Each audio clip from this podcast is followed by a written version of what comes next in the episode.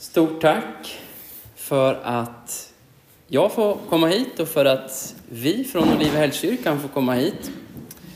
Jag heter Simon Allander, som ni hört, och jag var här för nästan jämnt ett år sedan på en daglig träff, RPG-träff, och eh, mötte flera utav er. Eh, och det är jätteroligt ju att få bli inbjuden till ett nytt ställe, men det är ju nästan ännu roligare och hedrande att få komma tillbaka. Så det är jag väldigt glad och tacksam för. Det känns väldigt tryggt att få ta med sig församlingen också. Jag har varit pastor i Olivehällskyrkan sedan 2019. Och eh, jag bor på Tosterön, Strängnäs, med min familj. En fru som heter Emma, som jobbar i Eskilstuna på komvux. Och så har jag en femåring som heter Helmer och en tvååring som heter August. Och de är på andra äventyr idag, men grabbarna de var med på RPG förra året och hade väldigt roligt här. Så de hade säkert gärna kommit hit om de hade haft möjlighet. Idag är det ju söndag och det är söndag i fastetiden, de 40 dagarna före påsk som kyrkan uppmärksammar lite extra. Och eh, vi ska läsa och stanna upp idag inför en av de texter som många läser den här tiden och som kan passa extra bra att läsa just den här tiden. Så jag hoppas att ni vill följa med mig till Matteus evangeliets fjärde kapitel. Vi ska läsa verserna 1 till och med 11. Och jag läser ifrån eh, Bibel 2000s översättning. Så här står det där. Sedan fördes Jesus av anden ut i öknen för att sättas på prov av djävulen. När han hade fastat i 40 dagar och 40 nätter blev han till slut hungrig. Då kom frestaren och sa till honom, om du är Guds son, så befall de här stenarna att bli bröd. Jesus svarade, det står skrivet, människan ska inte leva bara av bröd, utan av varje ord som utgår ur Guds mun. Sedan tog djävulen honom med sig till den heliga staden och ställde honom högst uppe på tempelmuren och sa, om du är Guds son, så kasta dig ner. Det står ju skrivet, han ska befalla sina änglar och de ska bära dig på sina händer så att du inte stöter foten mot någon sten. Jesus sa till honom, det står också skrivet, du ska inte sätta Herren din Gud på prov. Nu tog djävulen honom med sig på ett mycket, upp på ett mycket högt berg och visade honom alla riken i världen och deras härlighet och sa, allt detta ska jag ge dig om du faller ner och tillber mig. Då sa Jesus till honom, gå din väg Satan. Det står ju skrivet, Herren, din Gud, ska du tillbe och endast honom ska du dyrka. Då lät djävulen honom vara och änglar kom fram och betjänade honom. Tack Fader för ditt ord. Tack för att vi får lyssna till dig idag och stanna upp inför det idag. Kom med din helige Ande och öppna våra ögon och öron och hjärtan för det du vill säga till oss idag. Jag ber så i Jesu namn. Amen.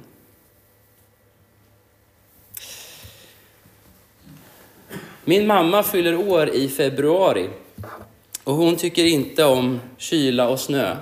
Så när hon fyllde 40 år så bestämde hon att vi skulle åka iväg på en solsemester. Jag gick andra året på gymnasiet vid det här laget så jag var tvungen att ta ledigt från skolan en vecka.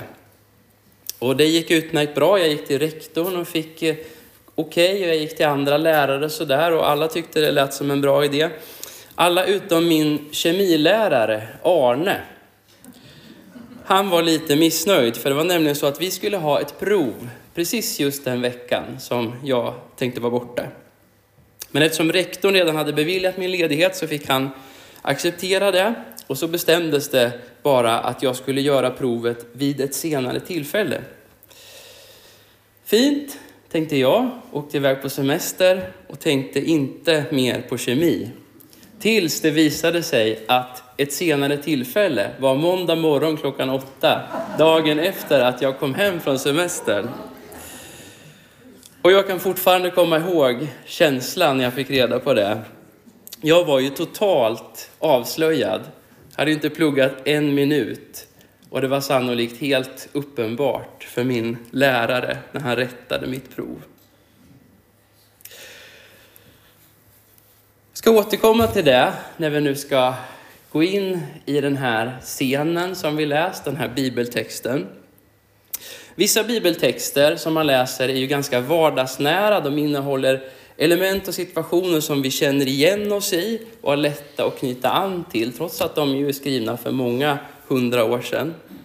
Dagens evangelietext är väl inte en av de texterna, utan det är en ganska knepig text som ligger långt ifrån det de flesta av oss känner igen som vardag. Direkt när vi kliver in på den här scenen så inser vi att det finns en elefant i rummet. Det är ju djävulen, eller frestaren, eller Satan. Alla de tre namnen kallas den här figuren i den här korta texten. Och jag tänker ibland att det är lite med djävulen som det är med koriander. Om man tar ett slumpmässigt urval människor och frågar vad tycker du om koriander? Så kommer ena halvan säga att ja, det gillar jag, det tycker jag är spännande, det vill jag ha på allt. Och den andra halvan kommer säga usch, nej tack, bort med det, det förstör allting. Ungefär så tror jag det är med djävulen också. Vissa tycker att det är spännande, intressant och vissa, nej tack, jag vill inte tänka på det där. Och i vår kultur har vi ju bilder av djävulen som en läskig trollgubbe med horn i pannan som kanske agerar tortyrmästare i helvetet. Och det är en bild som jag i alla fall aldrig hittat i min bibel. Snarare kommer sådana bilder från grekisk mytologi eller annan folktro, men har liksom vävts in i även det kristna Europa. Och i kyrkan har en del av oss växt upp kanske i sammanhang där man har ansett sig kunna säga väldigt mycket om djävulen och man har gärna gjort det också. Och så har man talat om djävulen på ett sätt som gjort människor rädda. Men ett av Guds vanligaste budskap till människor är ju, var inte rädda. Så jag tror inte att Gud har för avsikt att göra oss rädda med en sån här text som vi har läst idag. Därför vill jag försöka uppmana dig att tänka bort de här, både de här kulturella bilderna och kanske sånt som har gjort dig rädd, som du hört i kyrkan eller någon annanstans.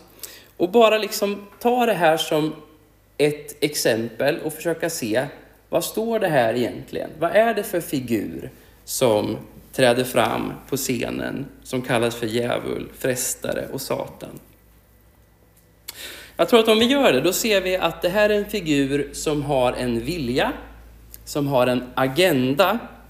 Och den viljan är att förvränga och omintetgöra det som Gud har sagt och gjort. För det som har hänt precis innan är att Jesus har varit vid Jordanfloden och låtit döpa sig av Johannes döparen. Och när han kommer upp ur vattnet så öppnas himlen och en röst kommer från himlen. Gud Fadern säger, detta är min älskade son. Han är min utvalde. Och djävulen, han gör det till sitt uppdrag att försöka förvränga, förvrida det där budskapet. Och han gör det, verkar det som, genom att tala till Jesus i vad jag uppfattar som någon slags syn, en slags inre upplevelse. Och i den här synen försöker han influera Jesus med sina ord. Och jag tror vi kan förstå att det är en syn som man har, att det är någonting inre, genom att de flyttar runt så plötsligt. Först är de i öknen, så plötsligt är de i Jerusalem och så plötsligt är de på ett jättehögt berg där de ser alla riken i hela världen. Och det vet vi ju, inte ens på Långberget i Strängnäs kan man ju se alla riken i hela världen. Så jag tror inte det är ett verkligt berg, utan jag tror det är en syn.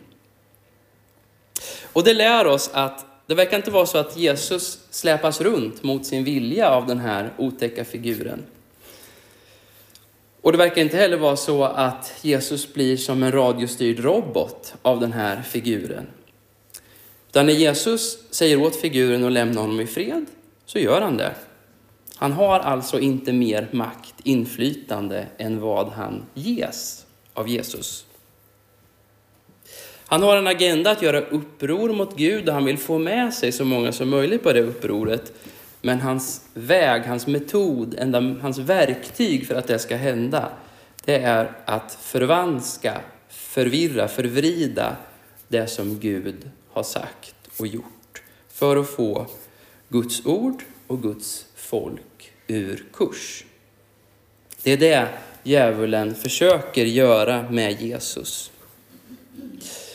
Och Gud, han tillåter ju det att ske. Och det verkar till och med vara så att det är avsikten med att Jesus är där ute i öknen. Att det är därför som han har hamnat där.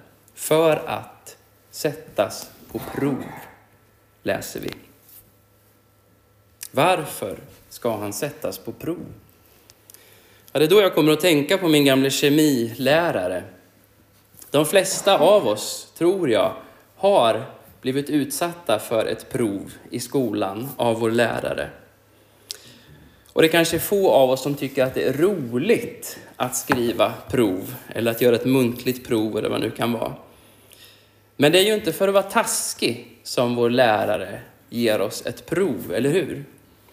Utan det är ju för att visa hur det faktiskt ligger till med oss. Det är för att visa hur mycket vi faktiskt har lärt oss, inte för att sätta dit oss. Och så uppfattar jag också prov och prövningar i Bibeln. Att prövas handlar om att visa eller avslöja vem man verkligen är. Och Gud använder ibland det som ett sätt att uppfostra, att vägleda. Vi kan se det till exempel i femte Moseboken när israeliterna närmar sig slutet på sin 40 år långa ökenvandring. Och då påminns de om det här. Tänk på hela den väg som Herren din Gud har låtit dig vandra under dessa 40 år i öknen för att tukta dig och sätta dig på prov, för att utröna om du är beredd att hålla hans bud eller inte. Han tuktade dig med hunger och lät dig äta manna, något som varken du själv eller dina fäder kände till. Han ville lära dig att människan inte lever bara av bröd, utan av alla ord som utgår från Herren. Israels folk var utvalda, de var älskade av Gud, de var räddade av Gud. Provet för dem handlade inte om att få något av det där, kärlek eller räddning eller att bli utvalda, utan provet handlade om att de skulle lära sig att vara Guds folk, lära sig att lita på Guds räddningsplan, även när de mötte stora utmaningar. Och det var inte så lätt för dem, och det är inte så lätt för oss heller tror jag, att göra det. Men Jesus gör någonting på sin ökenvandring som förändrar förutsättningen för våra ökenvandringar och våra ifrågasättande, vilseledande röster som vi lever med. Han sätter en gräns för den där rösten. Han låter den inte förvrida Guds sanning om honom eller om oss. Det första djävulen försöker göra det är att få Jesus tillit till Fadern i gungning. Få honom att ifrågasätta att han verkligen är älskad som ett barn. Att han verkligen är utvald. Om du är Guds son, vad i all världen gör du här ute i öknen, ensam och hungrig? Och om du är den Gud säger att du är, då kan du väl bara fixa lite mat. Jesus svarar på det med att citera just den vers som jag läste nyss från femte Moseboken. Han jämställer bröd med Guds ord Och här kan i alla fall jag komma på mig själv med att ha ett lite så här Sara-moment, att jag liksom småler lite för mig själv i tältöppning när jag hör det. Sure, skulle, Gud, skulle Guds ord, skulle Bibeln vara lika högt prioriterat för mig som mat på bordet? Har du hört talas om Maslows behovstrappa, Jesus? Men jo, så säger Jesus faktiskt. Vad gör det med min dagliga bibelläsning? Vad gör det med våra bibelläsningar tillsammans i gudstjänsten? Det där som är så svårt för många av oss att få till, även fast vi vill, tycker att vi borde, så är det svårt för många av oss att få till bibelläsningen. Enligt universums skapare så är den lika viktig för mig som kolhydrater. Och när jag inser det så fastnar skrattet åtminstone i min hals. Och jag tror att det är sant. Lika viktigt som att vi har mat för dagen, att vi har tak över huvudet, är att vi människor anar vilken mening våra liv har. Varför vi kämpar på. Att vi får se att vi är del av en berättelse som är större än oss själva. En berättelse där våra impulser, där våra viljor inte alltid omedelbart tillfredsställs. Men en berättelse där vi vet att varje ökenvandring slutar i ett löftesland. Att varje löfte mynnar ut i uppfyllelse. Jag tror att det är bland annat den helt nödvändiga föda som Guds ord ger oss. Den ställer oss i den stora berättelsen. Och märk väl att inte ens djävulen säger emot. Utan han byter istället taktik och försöker själv citera Bibeln. För han inser att han måste få Jesus att förlora tilliten både till Faderns omsorg och till bibelordet. Så han citerar en vers ifrån psalm 91 som är en fantastisk psalm om Guds omsorg i alla svåra tider och saker som vi kan gå igenom. När han gör det så antyder han liksom att ja, om Bibeln verkligen är sann och Gud har omsorg om sitt folk, då är det bara att hoppa från muren. Gud ska ju fixa det. Tror du inte på Bibeln? Hoppa då. Och Jesus påminner då om en annan händelse när Israel går genom öknen på väg från Egypten till sitt löftesland. Det är när de har hamnat vid ett ställe som kallas för Massa eller Meriva. De har blivit befriade från Egypten, men de ångrar sig och vill tillbaka. Och de förebrår Mose och Gud när de är där ute i öknen och blir törstiga och det inte finns något vatten. Och vid det laget så hade de sett de tio plågorna som befriade dem. De hade gått torrskodda genom havet. De hade fått manna från himlen att äta. Men ändå, vid det tillfället, så tvivlade de på Guds omsorg, på Guds plan, Guds förmåga att ge dem det de behövde. Han vill, de ville att Gud skulle visa omsorg på deras villkor istället för på sina egna villkor. Men det går inte Jesus med på. Om Guds ord är sant och Gud är god så måste han också få utrymme att visa det på sina villkor efter sin plan. Även om vi naturligtvis ska be om det vi önskar. Det är något annat än att sätta på prov och det uppmuntrar Gud oss till att göra. När det där inte funkar så prövar djävulen slutligen att erbjuda Jesus en genväg. Jesus vill ju att alla folk ska bli hans lärjungar. Eller hur? Det vet vi i kyrkan. Det är därför vi håller på.